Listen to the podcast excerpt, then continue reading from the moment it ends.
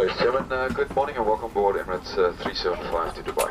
I'm the captain, my name is Ben Lawrence. With me on the flight today is Senior Officer Alex Forbes. Flight time this morning is going to be 6 hours and 20 minutes. Weather conditions for our flight is uh, anticipated to be good, according to the weather forecast. الآن إجراءات السلامة الخاصة برحلة طيران الإمارات يرجى المتابعة بعناية تامة We zijn op weg naar Thailand, want daar gaan we twee weken fietsen. De vlucht van Emirates voert via Dubai. Emirates is meestal de snelste en de goedkoopste als we in Azië gaan fietsen. En ook al is de overstap in Dubai nog zo kort, ze weten onze fietsen altijd op tijd in het volgende vliegtuig te krijgen. Inderdaad, we nemen wel onze eigen tourfietsen mee. Een Avagon voor Nicole en een Koga voor mij. Die gaan gratis mee met Emirates.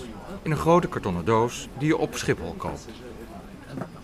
خلال الإقلاع والهبوط يتعين إغلاق أجهزة الكمبيوتر المحمولة وحفظها بشكل صحيح ويتعين ضبط أي هواتف متحركة أو أجهزة لوحية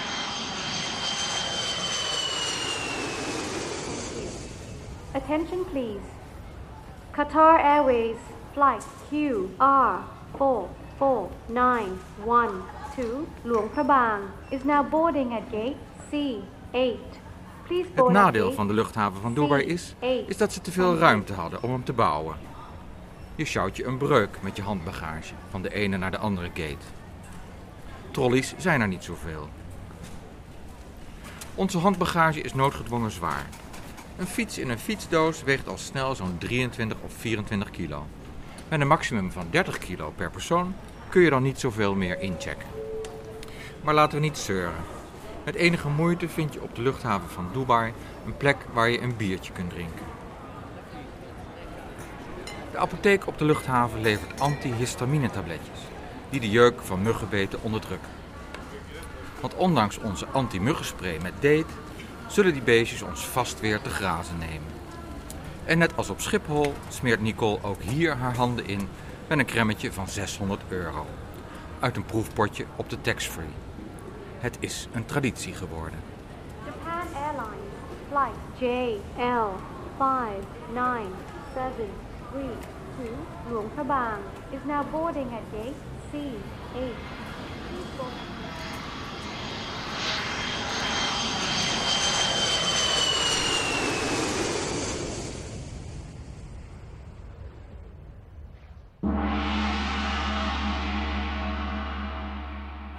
Welcome to Thailand ยินดีต้อนรับสู่ประเทศไทยครับ Welcome to Thailand.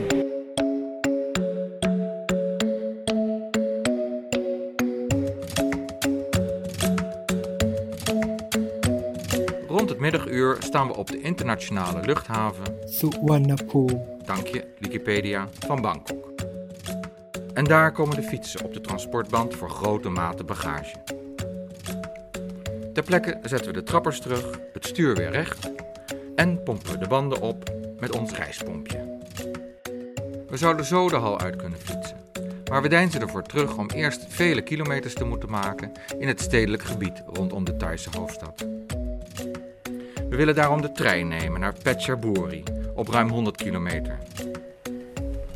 De fietsen passen op de centimeter nauwkeurig in de minivan die ons naar het centraal station van Bangkok brengt voor 34 euro.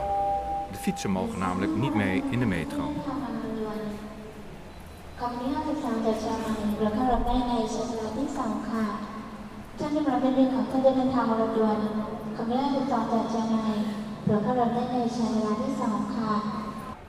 We hebben mazzel.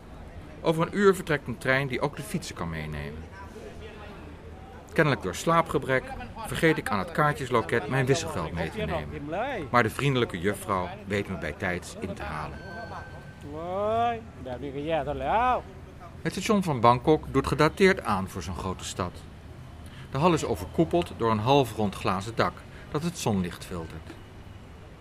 Midden in de hal wachten mensen op de grond tot hun trein vertrekt. Het lijkt hier wel India, aan de randen van de hal eet je voor een grijpstuiver een voedzame Thaise maaltijd. Daar hebben we net de tijd voor.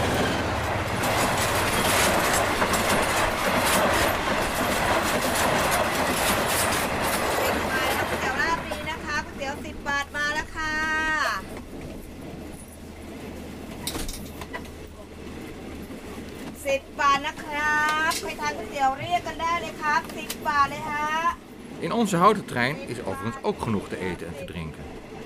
Mannen en vrouwen schuimen volbepakt de coupés af. Ze bieden rijst met vlees, vis en groenten aan. Koekjes, snoep, water, koffie en thee. Oplaadaccu's voor de mobiele telefoon ontbreken.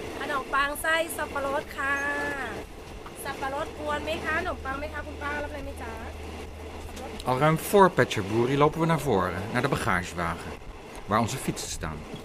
Je wil immers niet dat de trein doorrijdt voordat je je rijwiel eruit hebt.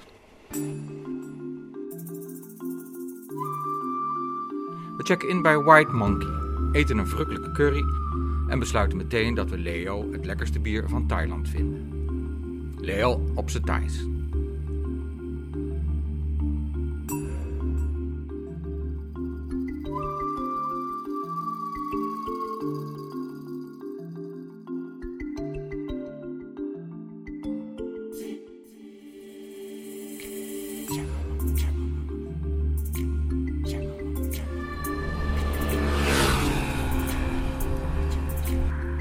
Zaterdag 13 januari 2018. Dit is onze eerste fietsdag op deze vakantie in eh, Thailand. Het is een rustige weg langs de kust.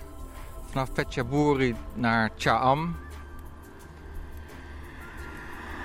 Dit heet eh, volgens het verkeersbureau van Thailand de Scenic Route. Althans, daar worden we elke paar honderd meter aan herinnerd. En ook elke drie kilometer staat er een, eh, een zogenaamd viewpoint. Dat eh, helaas geen zicht geeft op de kust. Want die ligt eh, toch nog één kilometer verder naar het oosten. Maar wel op de weilanden. En nou ja, het is een, een goed begin. Vlakke weg. Goed van temperatuur, iets van 25 graden. Het loopt nu tegen het einde van de middag. We zijn laat begonnen, pas eh, om een uur of twaalf. Want we moesten even onze jetlag eh, uitslapen in Phetchaburi. En eh, ja, de omgeving is veelal weilanden. Af en toe wat koeien, wat Aziatische koeien. Wat rijstvelden. Gering verkeer, brommertjes hier en daar. Het mooie is dat deze weg is ook aangegeven als officieel fietspad. Zeg maar de vluchtstrook van anderhalve meter breed aan de linkerkant van de weg. Die is afgescheiden met een dikke witte streep van de rest van de weg.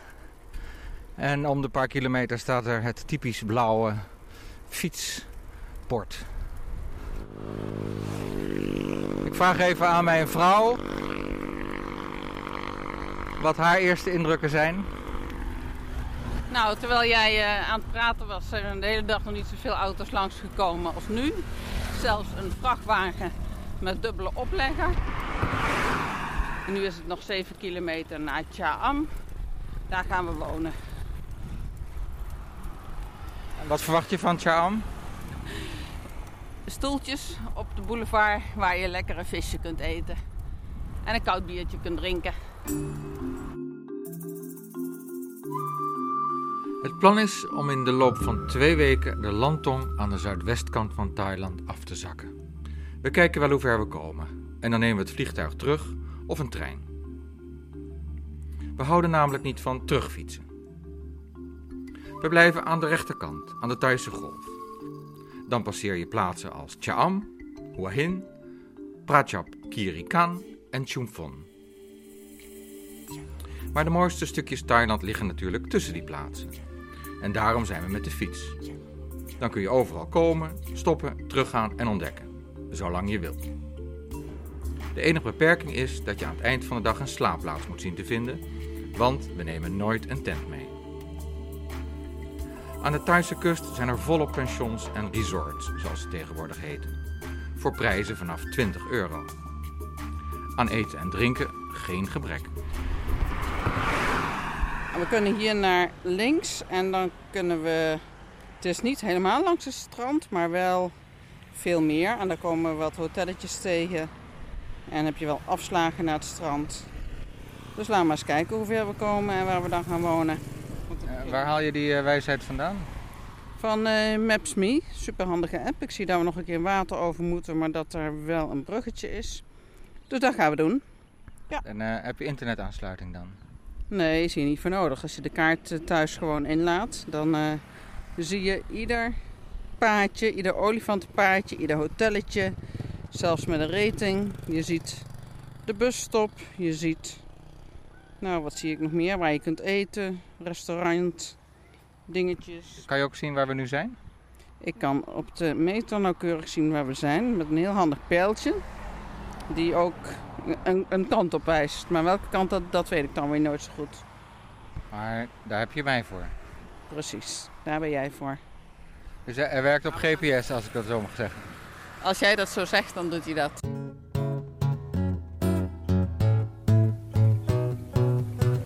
Het is natuurlijk de kunst om de mooiste weggetjes te vinden.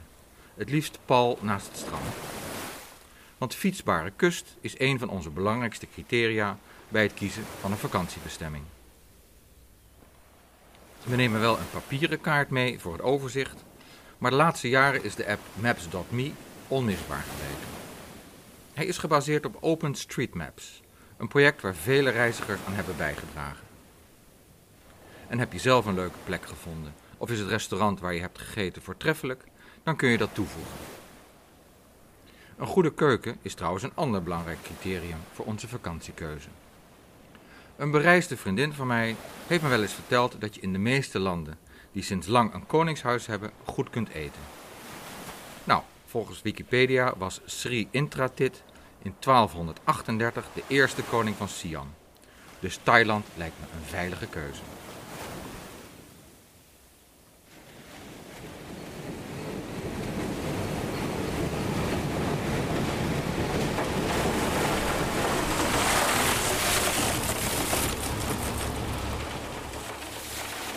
Wat je hoort is een machine die ijs verpulvert in de haven van Chaam. Hij wordt gevoed door blokken massief ijs van wel 30 bij 30 centimeter en 1 meter lang. Zo komt het namelijk uit de ijsfabriek. Het versplinterde ijs wordt opgevangen in zakken die hun weg vinden naar de kleurrijke visserspoten waar de Thaise kust mee bezaaid is. De stad Chaam is puur toeristisch. Maar dankzij onze fietsmobiliteit weten we dat je aan de rand van de stad een haven hebt. Met leuke restaurants waar voornamelijk Thai eten. Daar ligt de vis op dat ijs. Maar er zijn ook zaken met grote bassins. In die bassins slijten vissen en schaaldieren hun laatste dagen. Daar gaan we eten. What, what is this big shrimp? อันนี้คือกุ้งแชบวย แชบวยทะเลแอร์ไทยแลนด์แชบวย Okay. นิดเนมไทยแลนด์แชบวย This is a shell. Which one is that? Uh, Thailand Hoi Nang Lom. This one looks like a helmet, crab. Uh. What, is, what is the name? Mengda. Mengda. Mengda, Thailand. Tha Mengda. Huh. Mengda. Mengda. And uh, people say you don't eat the meat, but you eat the eggs. Ah, barbecue, eggs. barbecue. Barbecue.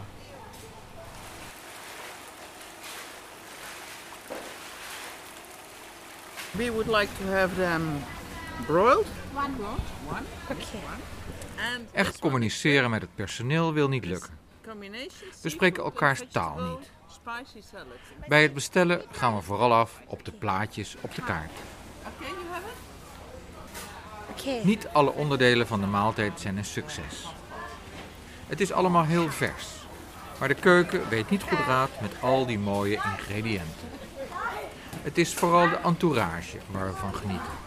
Een grote open eetzaal met zicht op de vissersbootjes. Nauwelijks westerlingen en een leuke bediening.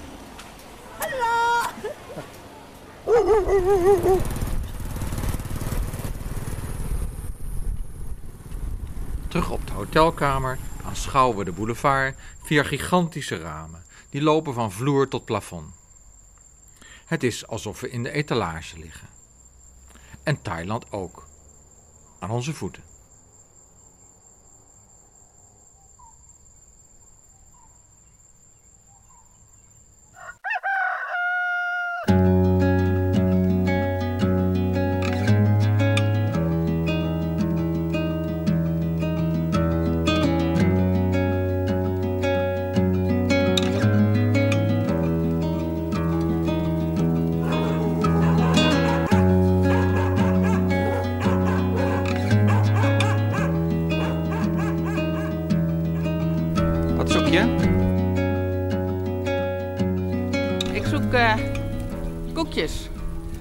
Gewoon droge biscuitjes.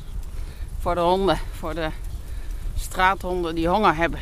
Van die zielige, schurfterichte, schurfterige Peruaanse naakthonden.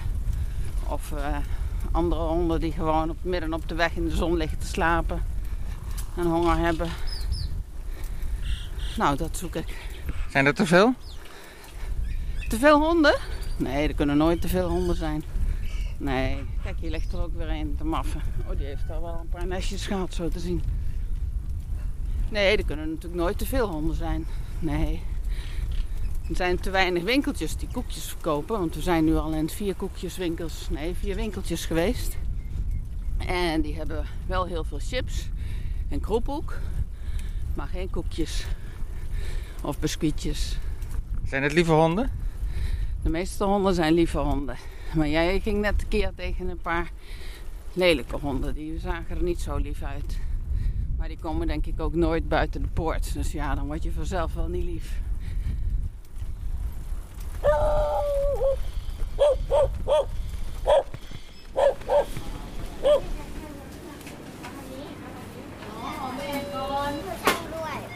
Hier liggen de koekjes, maar of ze ook gewoon droge biscuitjes hebben. Het is allemaal met vulling geloof. Houden honden daar niet van, vulling? Cheese, cheesevulling, nee, dat vinden ze niet, goed. Zijn ze dat? De original. Roasty original. Ja, die moeten we hebben. 12 roepie. En ik heb ook uh, dentsticks gevonden voor de hond. Vinden ze ook lekker. Tandenstokers? Ja, om op te kauwen.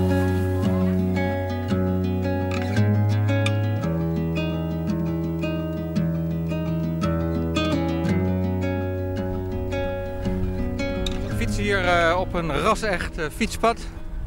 Ongeveer uh, drie meter breed. Twee richtingen. Afgezoomd met plantenbakken die ook worden bewaterd, hebben we gezien. In het midden een gele onderbroken streep, stippenlijn. Tegemoetkomend verkeer in de vorm van fietsers met helmpjes. En een aantal bronfietsers, ja die horen hier natuurlijk niet. Maar goed, we zien het door de vingers. Maar het is ongelooflijk. Uh, rechts van ons uh, die highway number 4, niet echt een snelweg, maar wel druk. En links en rechts van ons allerlei bordjes. De blauwe bordjes voor fietsers. Bikes only. En natuurlijk ook witte fietsjes geschilderd op het wegdek. Strak asfalt. Dus we karren door. We zijn inmiddels Hua Hin voorbij. Was lastig om eruit te komen. Want over de hele breedte zo'n beetje van Hua Hin ligt een enorm golfterrein. En daar moet je helemaal omheen. Ik vraag me af welke gemeenteraad daar toestemming voor heeft gegeven. Want die, dat golfterrein dat loopt zelfs tot aan de zee. Dus ja, je kan niet anders dan weer uitwijken naar de snelweg. Maar goed, daar wacht dan weer een mooi fietspad. Zoals we er in Nederland duizenden kilometers van hebben.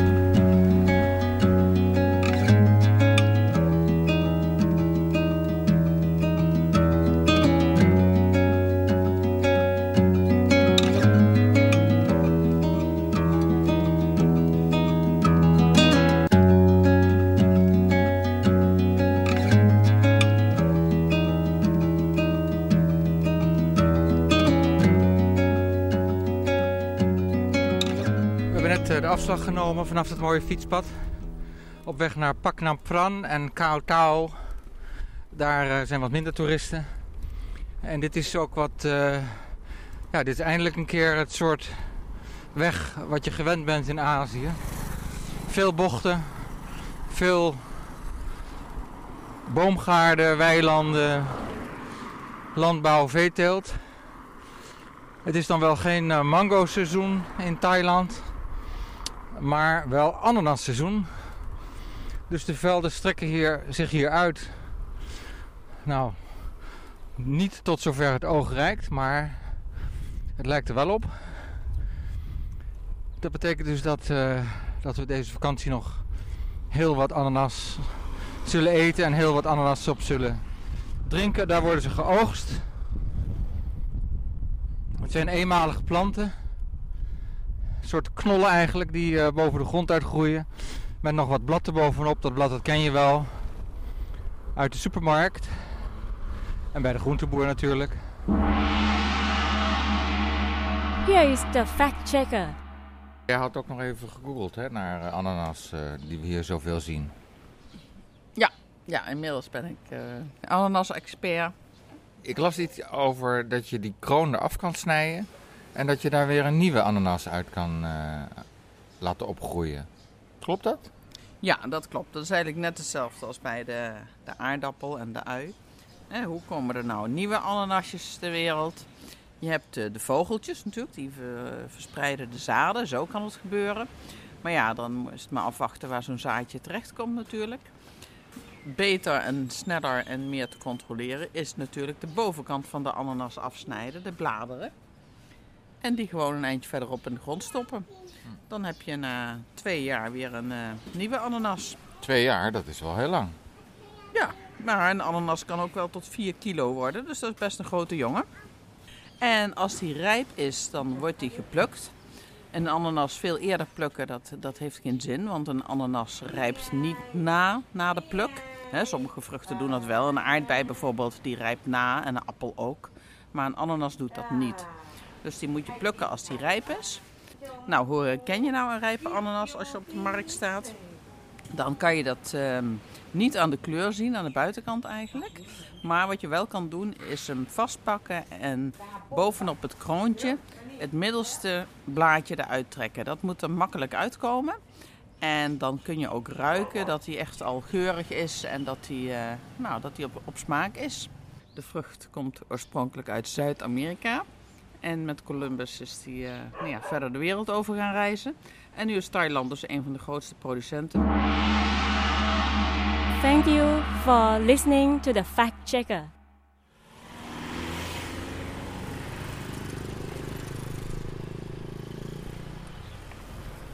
Kom maar, koekjes. Kom maar. Goed zo. Als de een over de dam is.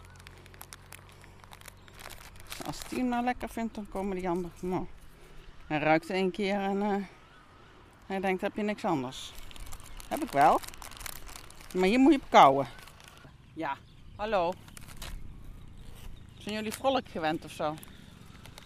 Jij dan? Ja, kom eens kijken dan. Kom eens kijken. Ja, je hebt wel gevochten, hè? Ja, je hebt een beetje een kapotte neus. Kom eens kijken. Ja. Kom maar. Kom maar. Kom dan. Kom eens kijken. Hij vindt er echt niks aan. Nummer drie die eh, komt ook weer terug. Dat is wel een beetje een eh schurftig beest, hè? Nou jongens, dan hebben jullie ook geen echte honger. Als je geen zoute koekjes lust.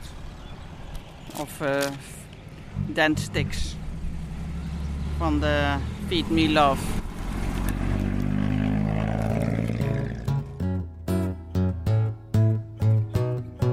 Waar fietsen we vandaag naartoe? Naar eh, de Fanten. In uh, Koeiburi. Een national park. In Koeiburi National Park wonen zo'n 230 olifanten. Veel mensen gaan er als een dagtrip naartoe, vanuit Cha'am of Hua Hin. Maar het is zonde om je daar op de fiets voor te haasten. Het is ook pakweg 40 kilometer fietsen vanaf de kust. We wisten echter eerst niet of we daar ook wel konden slapen.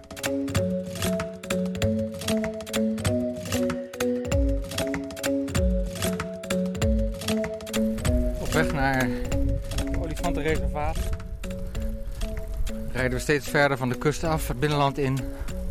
De prijzen dalen. Mensen beginnen te zwaaien, want hier ben je nog een uh, bijzonderheid. Aan de kust zijn er gewoon te veel toeristen. Bijna waren we niet naar het olifantenreservaat gegaan. Want ik had gebeld met de enige bungalow daar en die zei in zeer slecht Engels dat er geen kamers meer vrij waren. Maar bij een uh, informatiecentrum van een ander natuurpark aan de kust wisten mensen dat er een, uh, een homestay is vlakbij eh, het plaatsje Baan Ruang. En hebben mee gebeld. En die heeft huisjes voor 800 baat. En dan zijn we nu maar naar op weg. Ja, stond dat verder nergens vermeld staat. Echt een mazzeltje. Want als we dat niet hadden geweten, dan waren we er niet eh, naartoe gefietst. Want ja, het is toch wel zeg maar eh, 30, 40 kilometer landinwaarts. En als er niks om te logeren is, wat doe je dan? Ja, wat doe je dan? Neem je dan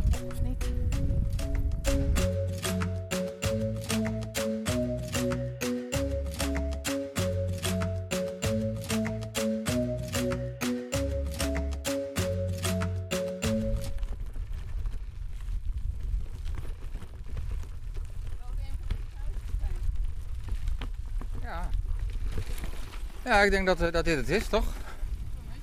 Ja, dat, is, dat zijn de hutjes van de, van de foto. Ja, het ziet er leuk uit. Te midden van de ananasvelden. Ja, en daar komen twee lieve dokkies. Kijk jongens, hallo. Fantastisch. Met de bergen iets verder weg. Bougainville in de tuin en andere mooie bloemen.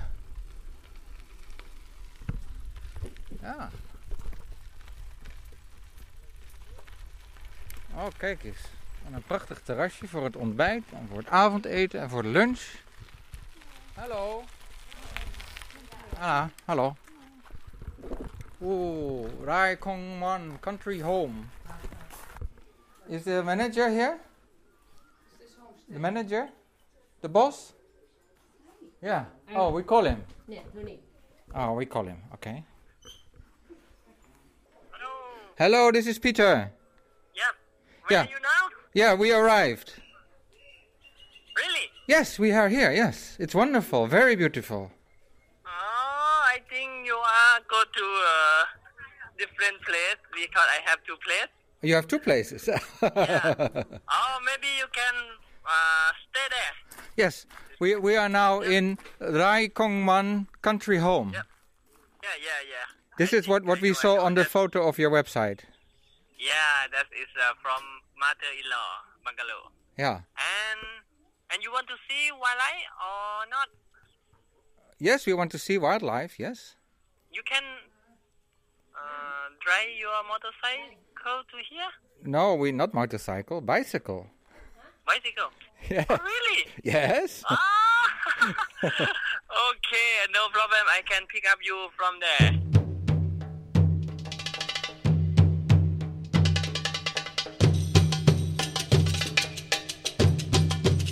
Meteen na aankomst nemen Bill en zijn vrouw, beide enthousiaste dertigers, ons mee naar het olifantenpark. Zo aan het einde van de dag is het beste moment om olifanten en andere beesten te spotten. We zijn hier nu aan het eh, park gekomen en we moeten even met de voeten door een laagje water, want dat eh, ontsmet eh, alles. En we stappen hier nu achter op een, op een pick-up truck. Oh, ja. Ja, ja. Oké. De vrouw die, van het park die ons begeleidt eh, heeft een eh, walkie-talkie en eh, houdt contact met eh, de andere olifantenspotters in het park.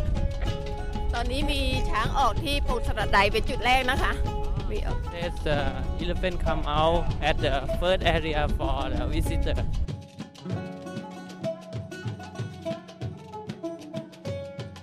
We worden uitgeladen bij het eh, Ranger Station, waar eh, volgens de walkie-talkie olifanten gespot zijn. Eh, daar lopen we nu naartoe. Ja, ik zie er een. Ja, daar. Ja, ik heb mijn joker verdiend. Ja, big group. Is, wat voor soort is het? De Aziatische. Nee, het zijn er een heleboel. Ja, het zijn er een heleboel. Ja, ja. Ik heb heel veel jokers verdiend. There are many, hè? From Hornbill. Ah, ik zie hier ook eh, olifantenpoep liggen. Ja. Ik ben ook wel eens in een park geweest en toen hebben we ook alleen maar olifantenpoep gezien. Dan zijn ze ver weg, hè? En daar heeft kleintjes daar, daar rechts. Die daar naar rechts lopen.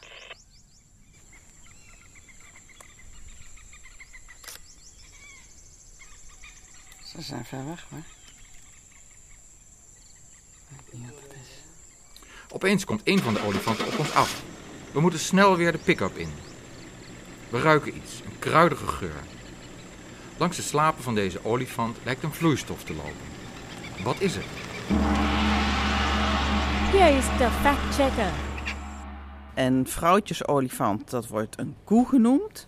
En een mannetje heet een bul. Nou, hoe gaat dat nou in zijn werk? Als zo'n vrouwtje bronstig is, dan maakt ze een soort van infrageluid. Dat gebeurt niet zo vaak, want dat gebeurt maar één keer in de drie tot negen jaar. Dus dan is ze bronstig. En dan is ze dat ook maar voor twee tot zes dagen. Dus dat is best, nou, dat is best weinig eigenlijk. Dus zo'n mannetje moet goed, goed opletten of hij dat infrageluid opvangt. Want dan, ja, dan, dan gaat hij zo snel mogelijk naar zo'n vrouwtje toe, naar zo'n koei. En wat is, wat is infrageluid? Met eh infrageluid, ja, dan, dan stampt ze meestal hard op de aarde. En dat geeft een trilling en dat vangt dan eh, de bul op. Nou, en niet alle bullen zijn het, staan natuurlijk op scherp. De bullen die in de must zijn, dat zijn de, de mannetjes die er als eerste bij zijn. En de must, dat is de periode dat een bul, dus een mannetje, bronstig is. En dat duurt veel langer. Dat kan wel 103 dagen duren. En als de bul in de mustperiode zit, dan herken je hem ook aan een gezwollen klier die op zijn slaap zit. En daar komt een soort van vloeistof uit. En dat is wat wij roken. Dat is een beetje een olieachtige substantie, ruikt heel scherp. En dan, is die, nou, dan staat hij stijf van de testosteron. Dan is het echt een uh, testosteronbommetje. En dan heeft hij ook uh, nou, bijna een, een, stijve penis de hele dag. En daar druppelt dan urine uit en een beetje een groenige vloeistof. Nou, en dat is uh, 103 dagen achter elkaar. Dus deze mannetjes, deze buls, die zijn er als, het eerste, als de eerste bij, bij zo'n bronstige koe, om haar te dekken. Nou, en dan vervolgens uh, ja, kan ze een aantal keren gedekt worden. En dan uh, ja, 650 tot 660 dagen later, dus dat is nou een kleine twee jaar, wordt er een kalf geboren. En dat.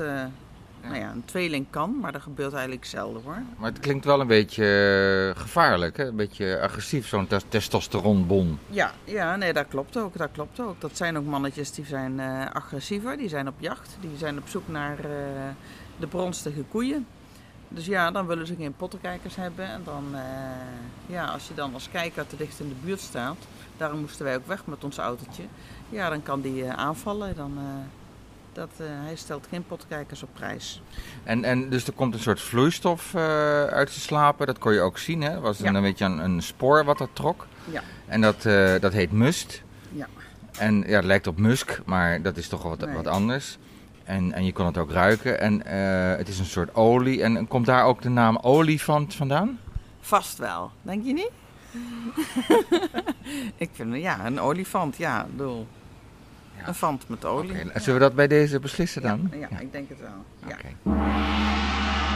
Thank you for listening to the Fact Checker.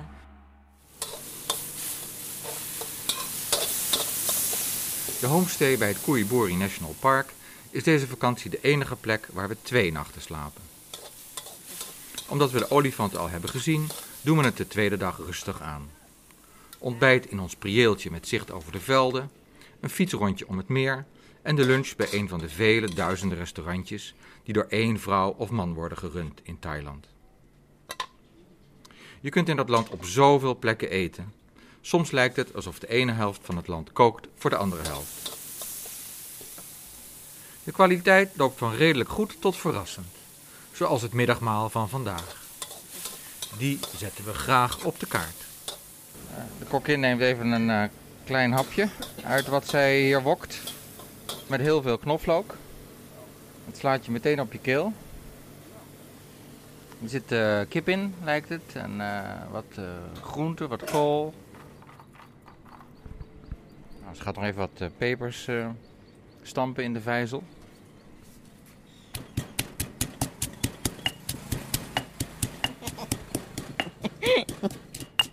nou, als je dat in je mond doet, dan verbrand je levend.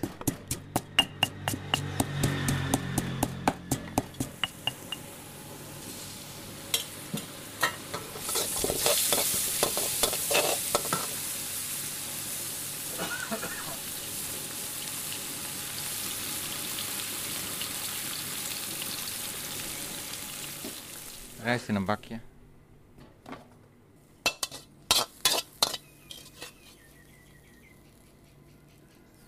En de mix gaat op de rijst. Dat is voor iemand om mee te nemen, denk ik. Een elastiekje eromheen. Met een zakje met nog extra pepers. Wat? Nam pika. Nam pika. So, can we have a lunch also? กินแล้ว ว่าไงก็มันกินแล้ว Kileo. กินแล้วค่ะลูก Ah. But uh, only uh, little little pepper pepper. Very small pepper. Not spicy. รู้ค่ะ ตับอิ๋วสองจาน Very tasty. Goed, dat was een eh, spoedcursus thuis koken. In dit eh, zeer kleine restaurantje met 12 plastic stoelen. Waarvan 8 blauw en 4 rood. Met uitzicht op een klein eh viskweekmeertje. In het dorp Baan Roam. De takeaway maaltijden zijn geserveerd. En wij hebben een keus gemaakt voor de maaltijden met de minste pepers.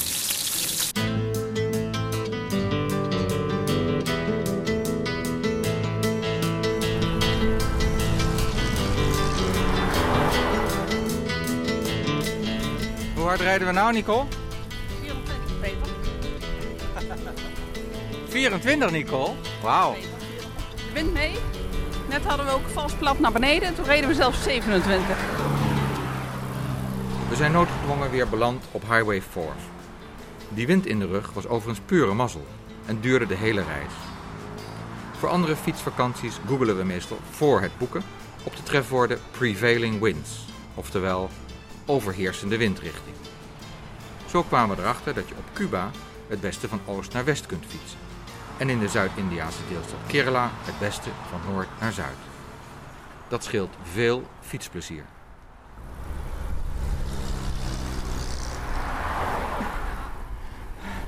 Hoe hard rijden we nu? 32. Hartstikke idee. Een stukje verder krijgen we twee andere fietsers in het vizier. We trappen nog eens stevig op de pedalen.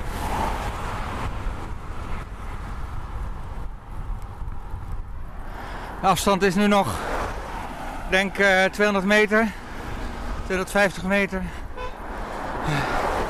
Nicole is niet te houden. Ik schakel ook een tandje erbij. Nu nog 150 meter. Zullen verrast zijn. Ik zie dat ze oorlieptassen hebben. Met een fluoriserend wit vlakje. En ze hebben ook allebei een achteruitkijkspiegel. Waar ze ons nu in zouden moeten zien. Nicole belt, maar ze horen nog niks.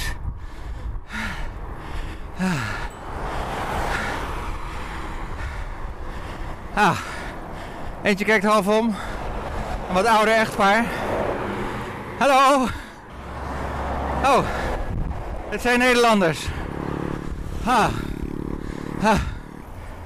Hey, goedemorgen. Ook uit Nederland. En eh, je bent hier met je vrouw? Ja, we zijn eh, nu anderhalve week onderweg. Gestart in eh, Bangkok. En eh Phuket. Oké, hoe ver is het nog naar Phuket? Nou, ik denk nog 500 kilometer. Maar, maar dit is wel eh, makkie, hè? Vlak terrein. Ja, precies. Wind in de rug. Heerlijk. Dit is zalig. Af en toe eventjes een eh, kopje cappuccino onderweg. Gaat goed. Is dit jullie, jullie eerste grote reis? Nee, we hebben eh, er al twee op zitten. In eh, 2012 hebben we Vietnam gedaan. En in 2014 eh, Cambodja. En nu eh, Thailand. Heerlijk. En hoeveel tijd heb je nog? Oh, 2,5 week. Dus eh, vier weken in totaal. Ja, lux, lux, lux. Ja, ik ben wel eh, gepensioneerd, dus eh, tijd aan mezelf. Ja. En eh, je partner ook? Nou, die werkt toch, maar eh, niet zoveel. Eén dag. Dus die heeft een maandje eh, extra verlof genomen. Mag, mag ik weten hoe jullie heten? Ja. Wilma en Bert Vermaak. Uit? Zwolle. Zwolle, ja. Oké. Oké. En eh, ik zie wel dat jullie eh, het zekere voor het onzekere nemen. Eh, met de kleuren die jullie dragen en de helmpjes. En eh, het vlaggetje. Ja, een beetje veiligheid vinden we wel belangrijk. Vooral op dit soort wegen. Goed zichtbaar zijn. Ja. Ja, ik vind de, de bestuurders hier toch nog wel netjes hoor. Ja? Oké. Als je het vergelijkt met Cambodja. Ja, precies. In Cambodja wisten ze alleen maar van klaksoneren, niet van remmen. Nee, dat klopt. Ja, dat was wel even wennen daar met het verkeer. Klopt. Daar ja. komt een, eh, een blindganger, daar komt een eh, spookrijder. En dan is het gekke dat je dan juist weer aan de verkeerde kant gaat rijden. Ja, precies. Want Ja. dan gaan we rijden aan de rechterkant, alsof we in Nederland zijn. En dan passeren zij links. En, en dat vind ik het gevaarlijke van, eh, van die spookrijders. Want ja, eigenlijk twijfel je waar je daar welk kantje moet rijden.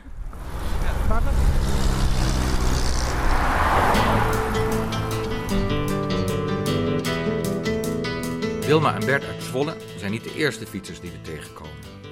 Eerder zijn we Pierre uit Frankrijk en David uit Engeland tegen het lijf gefietst.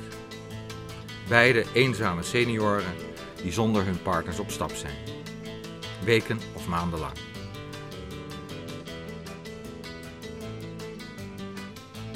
Verderop komen we een Rus tegen. En terwijl we met hem staan te praten, komt er een Japanner langs zij. Het verschil tussen die twee kan niet groter zijn.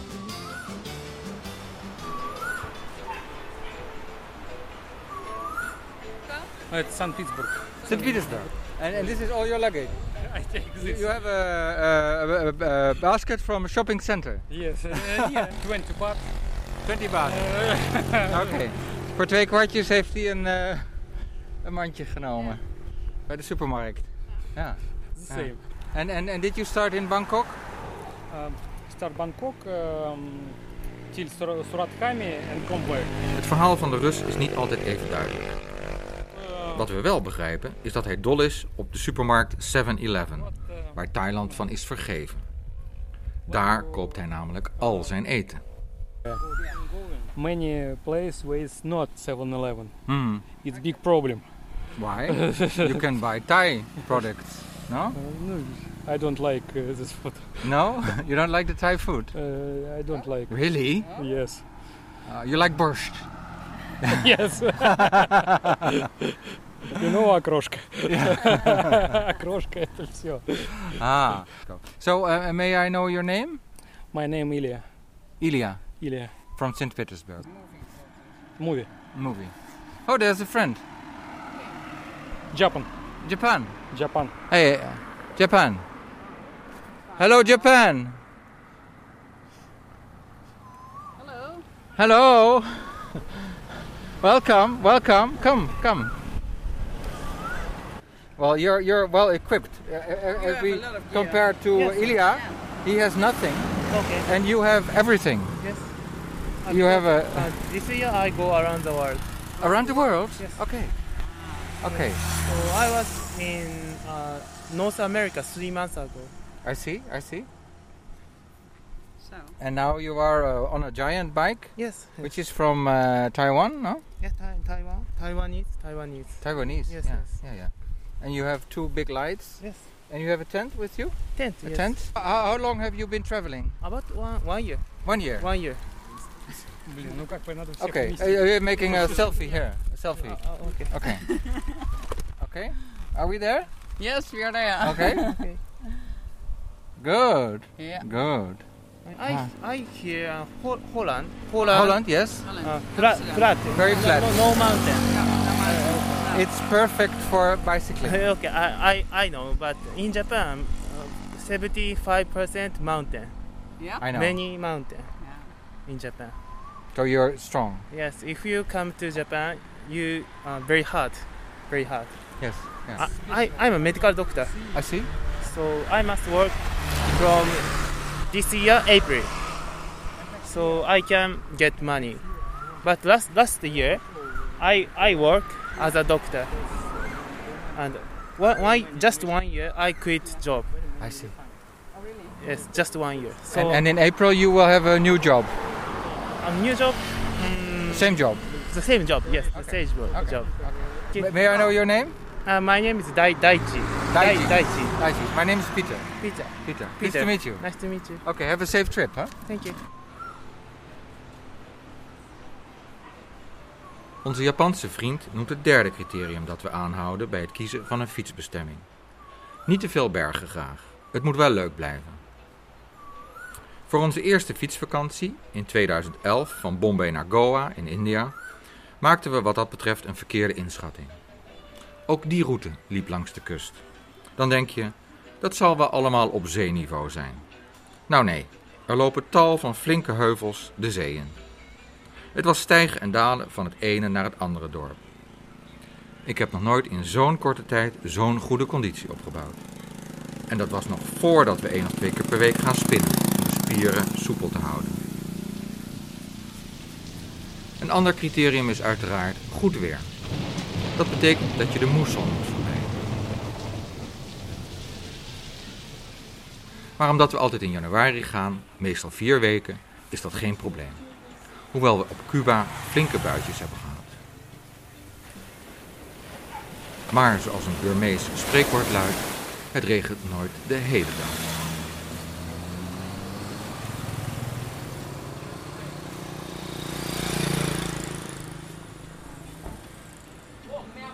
Mensen vragen ons vaak: is het niet vreselijk heet fietsen in de tropen? Ook dat valt mee. Als je fietst, creëer je je eigen wind. Terug aan de kust hebben we het weer voor het uitzoeken. Zelden vissen we achter het net als we een leuk en betaalbaar hutje zien met uitzicht op zee. Het lijkt alsof de andere toeristen het laten afweten.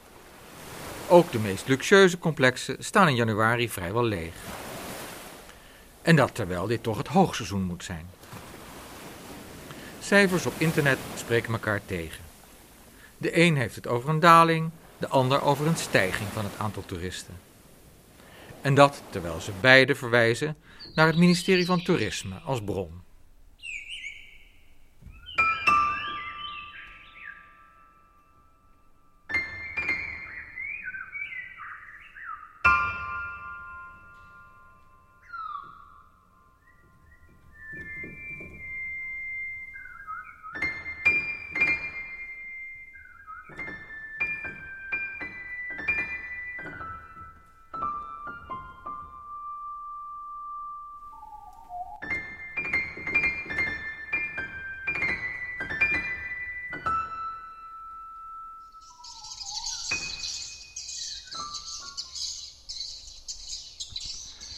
Je hier hoort zijn eh, geen echte vogels, maar bandopnames van vogels. Ze komen uit een eh, klein eh, betonnen gebouwtje van 8 bij 12 meter. Twee etages hoog en een torentje erop. Met kleine luchtgaatjes erin, ronde luchtgaatjes. Maar dat zijn ook de gaatjes waar de vogels naar binnen kunnen wippen. Want het is de bedoeling dat vogels daar hun vogelnestjes maken. De eetbare vogelnestjes die kunnen worden verkocht en opgegeten. Dus deze vogels uh, die moeten andere vogels lokken om naar binnen te komen en een nestje te bouwen. Wat er met de jongen gebeurt, weet ik niet.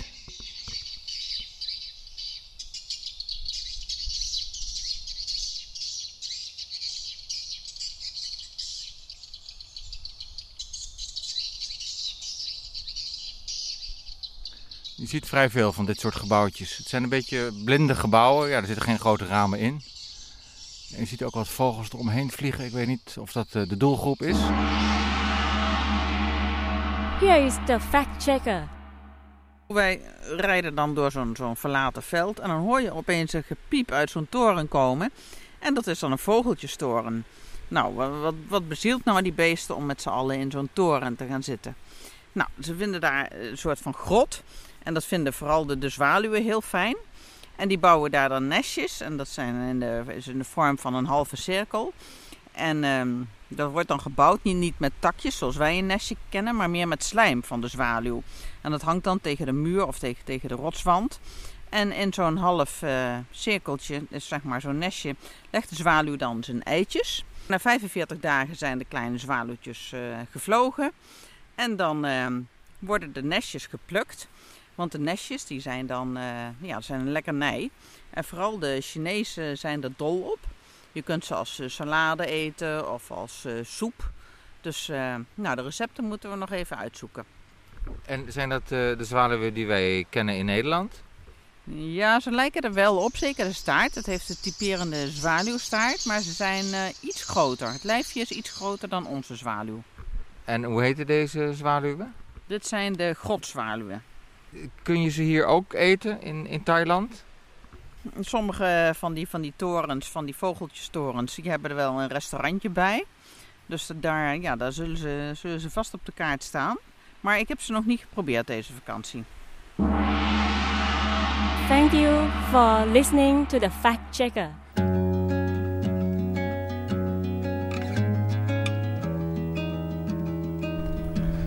We zijn op weg naar de grens met Burma, tegenwoordig ook wel Myanmar genoemd.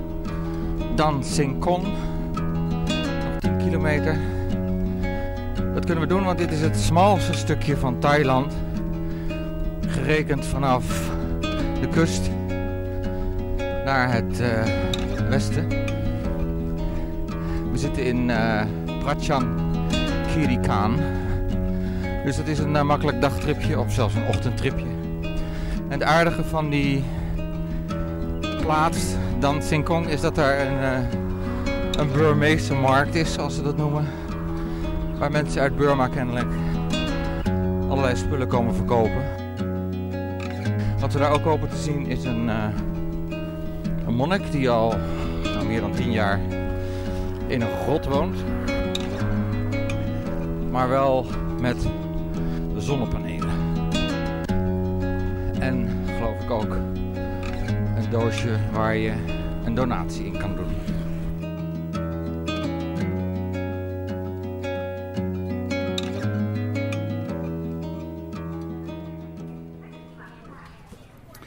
We zijn hier aangeland uh, bij de Burmeese Border Market.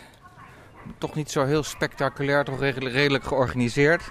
Maar wel uh, onder het oog uh, van de grens zelf. We zien er ook wat uh, toeristen. ja, allerhande spullen, koffie, Tanaka. Hè, dat is dat gele spul wat de Burmezen op hun hangers smeren. smeren. Tegen de zon is dat en dat schijnt ook goed voor de huid te zijn. Hier leuke houten krukjes. Die zijn misschien nog net klein genoeg om mee te nemen naar huis. Waarschijnlijk van uh, Burmeese tiekhout. We zien hier uh, edelstenen. Ja, die, die delven ze in Burma. gedroogde vis, ook goed te ruiken. Juwelen, nog meer gedroogde vis. En daar komt een clubje monniken aan bedelen, zoals dat hoort. Jongetjes en één oudere.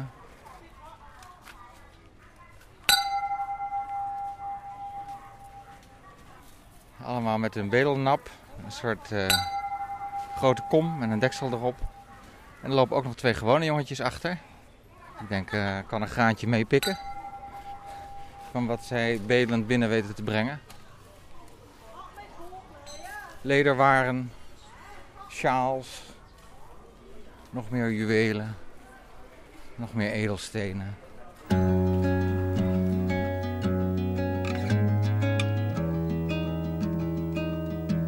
We hebben de Burmeese markt achter ons gelaten. We zijn een stukje teruggefietst naar zee en daar een andere afslag genomen. Op weg naar uh, bijzondere rotsformaties. Het zijn echt keien afgerond die een beetje tegen elkaar aan liggen. En er is hier ook een uh, uitzichtspunt waar ik nu naar boven loop. Op een trappetje gemaakt van overgebleven badkamertegeltjes. En hier zien we drie uit kluiten gewassen keien van Amersfoort. beetje tegen elkaar aan liggen. In mankel evenwicht.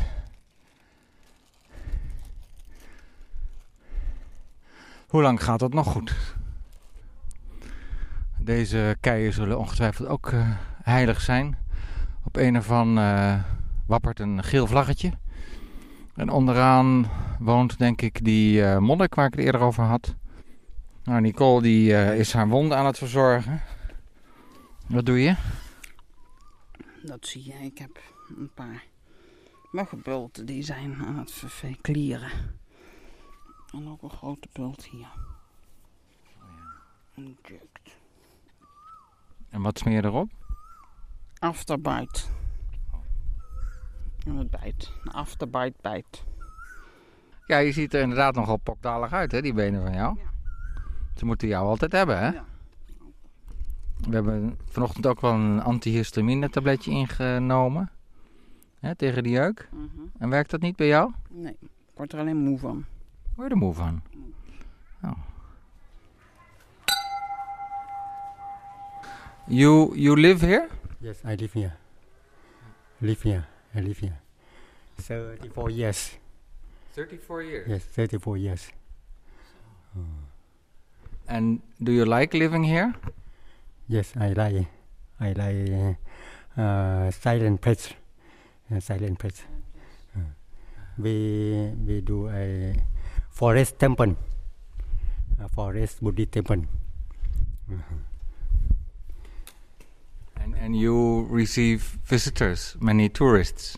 Yes, and there are foreign people come every day. But we tourists by nature.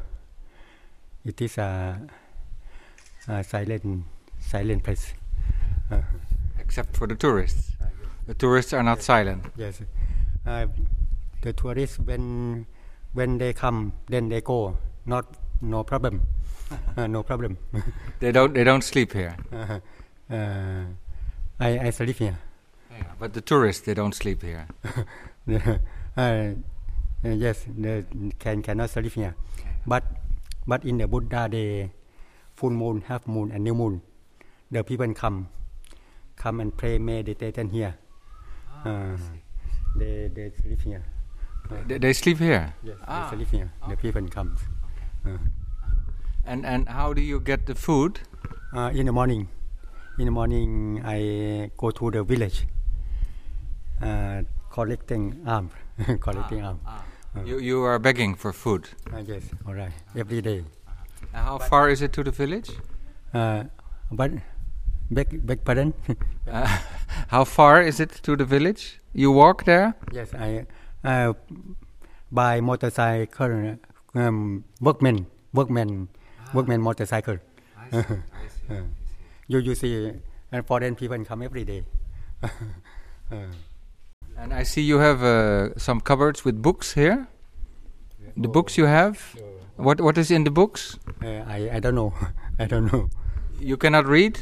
Uh, yes, I, I can can read, but I don't know. I don't know. You, you never looked inside? Yes, I, I never look. And do you watch television here? uh, I I have have and radio radio Radio. uh, radio. And, and you have electricity? Uh, solar panel. Yeah. Solar panel upstairs.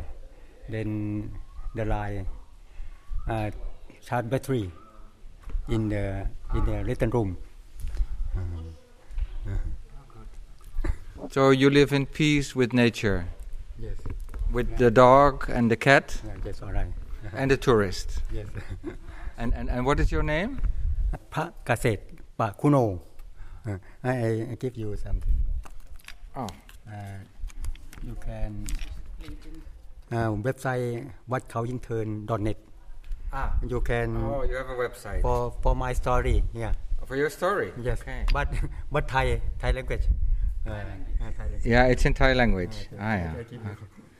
Oh, very beautiful. This- this A beautiful drawing. I I painted by myself Ah, you, you made the painting. Yes, yes. Okay. This Very is good. put in your pocket for good Yes. money Thank you. Put Thank you. pocket for good money Uh-huh, uh-huh. And and uh, one final question: uh, How old are you? uh, 74 74. 74. Okay. Do you want to say something to the people in Holland? Uh, I, I, I very nice to to invite everybody and Netherlands. Oh yes, uh, and I nice to to see Netherlands tourists come. Iedereen is welkom bij Wat Kou Hing Tourn. Vooral om te mediteren bij nieuwe, halve en volle maan. Dan kun je ook blijven slapen. De monnik woont in de flinke ruimte tussen drie enorme rotsblokken, waar aan de achterkant een muur in is gebouwd. Dat heeft hij zelf gedaan, evenals alle betegeling met restpartijen Thaise tegels en de soort stenen slangen die langs de rotsblokken omhoog lijken te kruipen.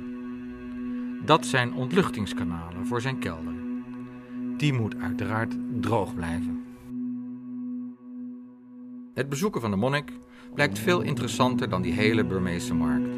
Die werd aangeprezen in Lonely Planet. Deze tip kwam van twee Canadezen op de fiets, die we slechts enkele minuten spraken. Houd je oren dus open als je andere reizigers tegenkomt. Ook de tip voor ons verblijf bij het Olifantenpark kwam niet uit de reisgids.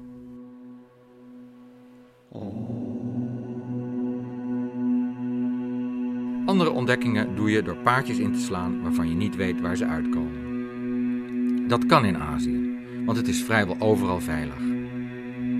En dat is ook een criterium waar we op letten bij het kiezen van een bestemming, evenals een prettig prijsniveau. Maar je zult hebben begrepen dat we ook wat dat betreft in Thailand geen klachten hebben.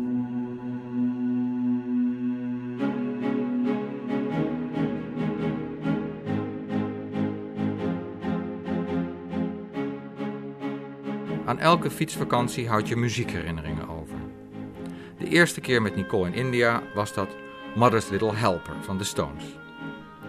Dat zat steeds in mijn hoofd bij het beklimmen van de steile heuvels. Outside the door, she took four more. Had ik ook maar wat stimulerende pillen gehad. Deze vakantie was het Shape of You van Ed Sheeran, waarvan je al een paar keer een stukje van een instrumentale versie hebt gehoord. Dat komt denk ik ook omdat hij zingt Hua Hua Hua Hey. Dat lijkt op de plaats Hua Hin, die we passeren. Van de fietsvakantie in Burma is mij dit lied, Viva la Vida, van Coldplay bijgebleven. Op een trek naar een bergdorp in de Burmeese heuvels kwamen we een Belg tegen, die een mini-gitaar bij zich had. Voor de kinderen van het dorp speelde hij dit lied. De kinderen waren betoverd. Wij ook.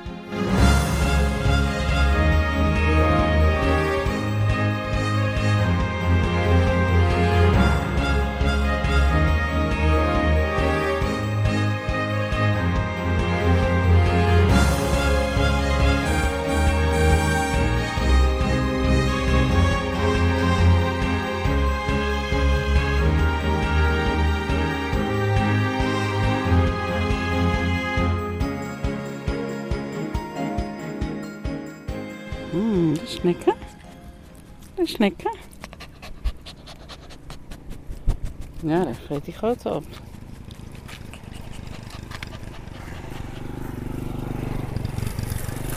Nou, dat is lekker. Neem je ook eens een hapje. Ja, niet alles voor jou. Jij ook wat? Ah, ah, ah, ah, ah, ah. Hier in een eh, bocht in de weg eh, blijken er uiteindelijk wel 15 eh, honden te huizen. Kleintjes en middelgrote. Papa's en mama's. Zonen en dochters. En eh, ja, er was net ook een meneer gestopt met de auto. En dat hondje dat wilde niet meer weg, kroop steeds onder de auto. Dus die heb ik daar even vandaan moeten halen. En het is hier een... eh, ja, nou nog wel, het is hier hartstikke gezellig. Je wil spelen, hè? Ja, je wil spelen, hè? Oh. Ja, ja, ja. Happen naar de baas, hè? Ja, je bent braaf. Staat te eten? Oh ja. Het is hier een soort eh, hondenasiel. Ja, daar ook die blauwe bakken. Nou ja, even kijken wat daarin zit. Oh, hier staat water in. Ja, ze zijn ook gewend aan mensen. Nou, die willen allemaal wel mee. Oh, de microfoon wordt ook schoongelikt.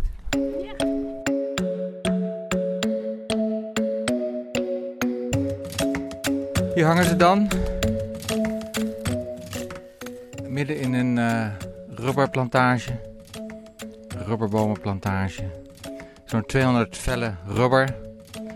Van 40 bij 1 meter, denk ik. Aan stokken. Vijf op een rij. Daar hangen ze kennelijk te drogen. En dit is het eh, halffabrikaat, deze witte vellen van de rubber, de latex die hier uit de bomen druppelt. Steeds een extra sneetje in de bast en weer een extra druppel of wat latex in het bakje. En dat alles bij elkaar wordt dan eh, tot een soort halffabrikaat gemaakt in de vorm van deze rubberlappen. En die gaan dan denk ik naar de rubberindustrie om er operatiehandschoenen of condooms van te maken. Here is the fact checker. Het barst hier van de rubberbomen. De rubberboom is hier niet zomaar aankomen waaien. Die is namelijk uit het Amazonegebied overgekomen. En ehm, tegenwoordig is dus eh, Thailand samen met Indonesië en Maleisië maar liefst goed voor drie vierde van de productie van eh, rubber uit de rubberboom. Nou, hoe gaat dat nou in zo'n boom? Die, die druppels van de, van de boom, van de rubberboom, eh, die worden opgevangen in een bakje. Hè. Dat, wordt eh, verdund met water. Ehm, dan wordt het met een zuur behandeld en op die manier stollen de rubberdeeltjes. En dan krijg je eigenlijk die, dan rollen daar die, die grote plakken van die je hier langs de weg eh, ziet hangen. Het lijkt een beetje op dweilen. En die hangen dan aan grote rekken te drogen. Eerst denk je van, goh, een schoonmaakbedrijf. Maar het, zijn gewoon, het is een rubberbedrijf. Van alle rubber die in de ehm, wereld geproduceerd wordt, is de helft maar liefst natuurlijk rubber. De andere helft eh, is synthetisch rubber en wordt van olie gemaakt. Er wordt nogal niet veel van rubber gemaakt. Wat, wat, wat weet je zelf? Wat er van rubber gemaakt wordt? Kauwgom. Komt dat ook van rubber, ja? Ja, zou maar zo kunnen. Condooms, autobanden. eh, nou, Handgrepen handgrepen. en ringetjes in je kraan. Ja, tuurlijk. Ja, Die wel eens gaan lekken. ja, nou, al dat soort eh, praktische huishoudelijke dingetjes. En eh, heb je nog meer van dat soort weetjes? Ja, ik zit nog vol met weetjes, met rubberweetjes. Want waar, waar komt die naam eigenlijk vandaan? Precies, dat wou ik net gaan vertellen. Rubber komt namelijk van het Engelse to rub. Dat betekent eh, wrijven of gummen. Hè. Iedereen kent natuurlijk het gummetje wel. Ehm, dat is ehm, in 1770 eh, ontdekt door Joseph Priestley. Hij is eigenlijk de, ja, de, de, de founder van het rubber. En hij- Van, van de naam dan, hè? van de naam, ja, van de naam to rub. Wat heeft hij ontdekt? Nou, dat je met dat rubber potlood kon uitgummen. En dat was natuurlijk wel eh, iets heel nieuws. Dat je iets wat je geschreven had ook weer kon laten verdwijnen. En nog een rubberen weetje. De paardenbloem, die eh, bevat ook rubber. Hè, er zit van dit witte vloeistof in. is ook goed tegen vratten en tegen andere aandoeningen. Maar het bevat ook rubber. En de Russen hebben geprobeerd om dat rubber te exploiteren. Maar ja, dan heb je wel zoveel weilanden vol nodig met paardenbloemen. Dat was eh, niet zo efficiënt gebleken. Dus daar zijn ze mee gestopt. Nou, ik dank je wel. Ehm, eh, dank je voor je bijdrage aan deze podcast. Om ervoor te zorgen dat deze podcast eh, niet bestaat uit hele en halve waarheden, maar uit feiten. Zo is het. Thank you for listening to the fact checker.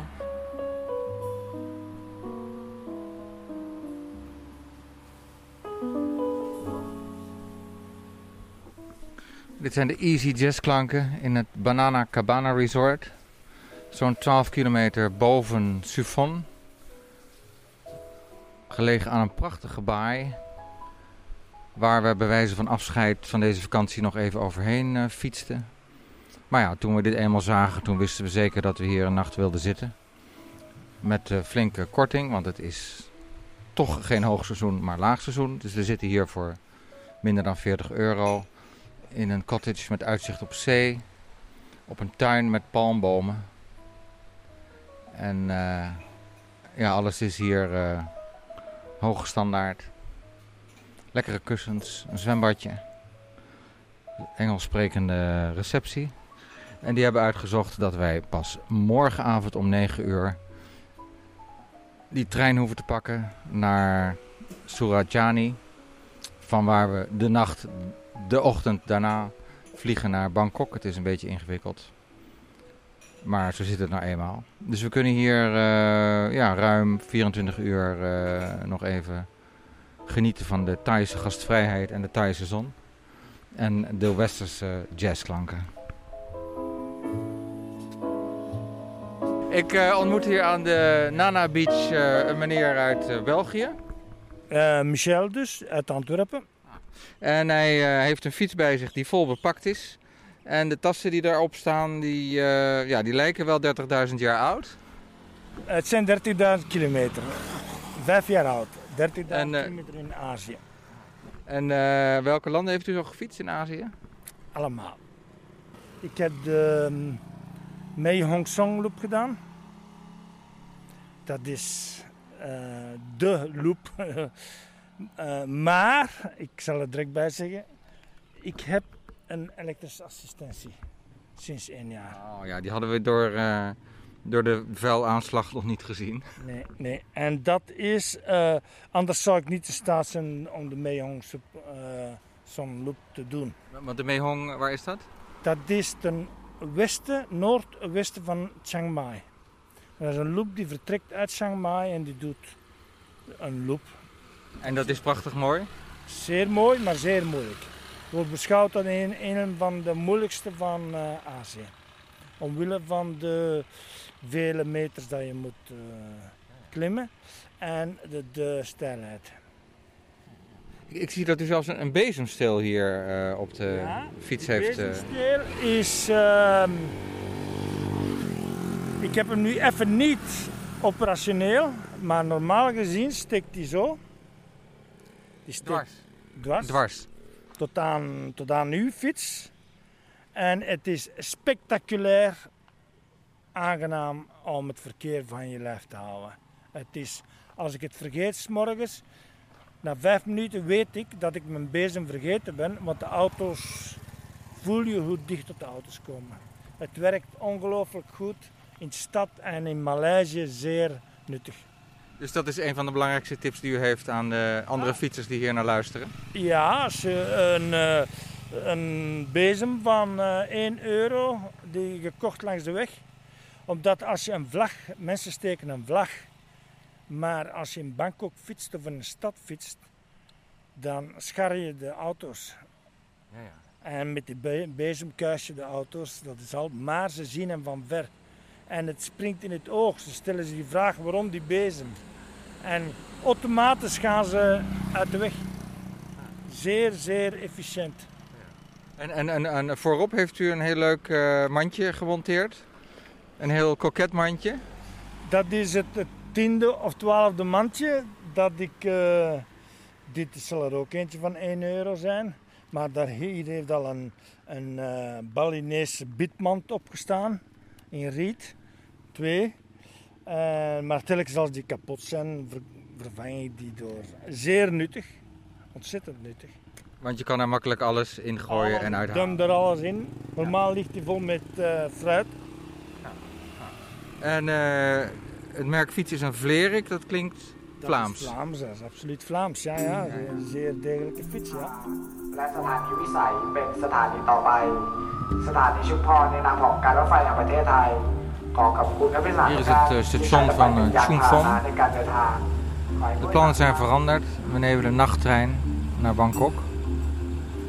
Dat bleek toch wel makkelijker dan eh, een trein naar een andere plaats en daar weer vliegen naar Bangkok. Dus eh, het is nu eh, tegen half acht. De trein eh, zal weldra binnenlopen, denk ik.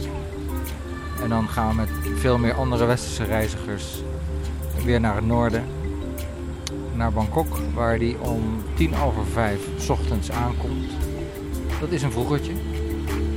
Maar misschien is het dan nog wel leuk om even in alle vroegte Bangkok in te fietsen. als de straten nog verlaten zijn en de zon op opkomen staat.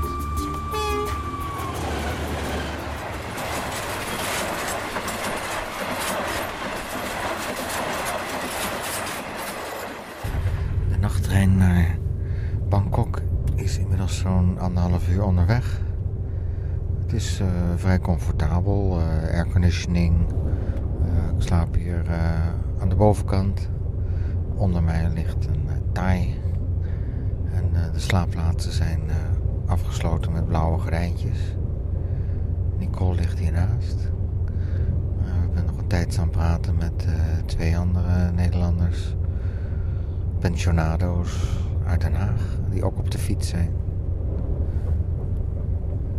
Uh, nou, dat is uh, reizen en uh, slapen tegelijk.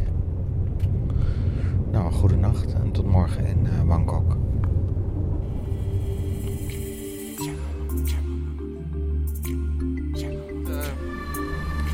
Het wordt langzaam licht boven Bangkok. We zitten op de fiets, we rijden langs het kanaal naar het hotel van Sasha en Conchita, onze nieuwe vrienden uit Den Haag, pensionado's die vier maanden onderweg zijn.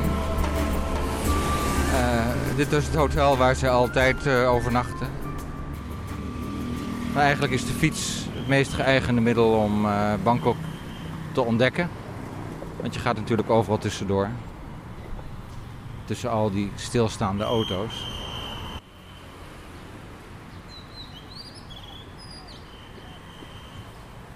De vogels proberen het aanzwellende autoverkeer nog te overstemmen.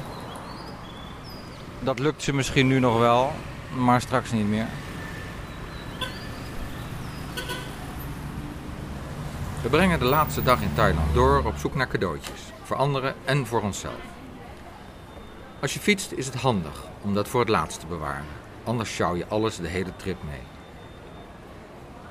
Bangkok kent tal van enorme shoppingcenters waar alle grote merken vertegenwoordigd zijn. De prijzen liggen niet altijd lager dan bij ons, maar ik slaag snel in de sale bij Mango en Camel Active. Nicole heeft het nakijken. Het is nogal een overgang van het ruisen van de branding naar de herrie van het gemotoriseerde verkeer in de grote stad. We banen onze weg met metro, motorboot, toektoek, achterop de brommertaxi en wandelen. De winkel met folkloristisch handwerk is helaas dicht. Dan maar iets eerder aan het bier, op een rustig pleintje. Om daarna iets te gaan eten in de buurt van Khao San Road, de vermaarde toeristenstraat. Die blijkt inmiddels uitgegroeid tot een hele wijk, waar weinig Thais aan is. Behalve dat je je op de terrassen naast het restaurant kan laten masseren voor geen geld. Om zes uur ochtends staat de minivan klaar om ons naar de luchthaven te brengen. De fietsen passen er weer precies in. De fietsdozen hebben we niet meer, dus die extra kilo's kunnen mooi worden ingenomen door een nieuwe tas vol met souvenirs.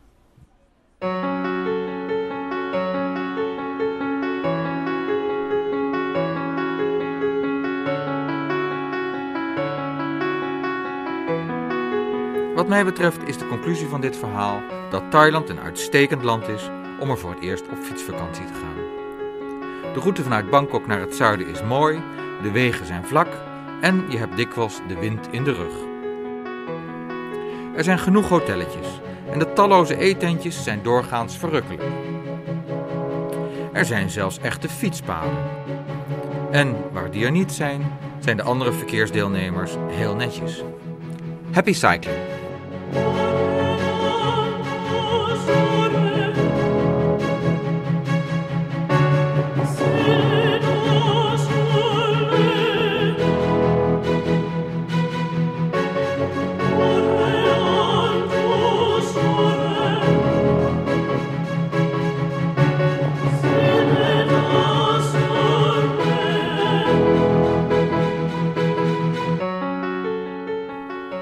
Een luisterdok van Pixel Perfect Publications in Den Haag, gemaakt door Peter de Ruiter.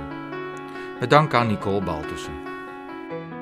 Over andere fietsvakanties zijn e-books verschenen, zoals Fietsen op Flores, India Live en Burma Live. Kijk voor alle uitgaven op pixelperfectpublications.com.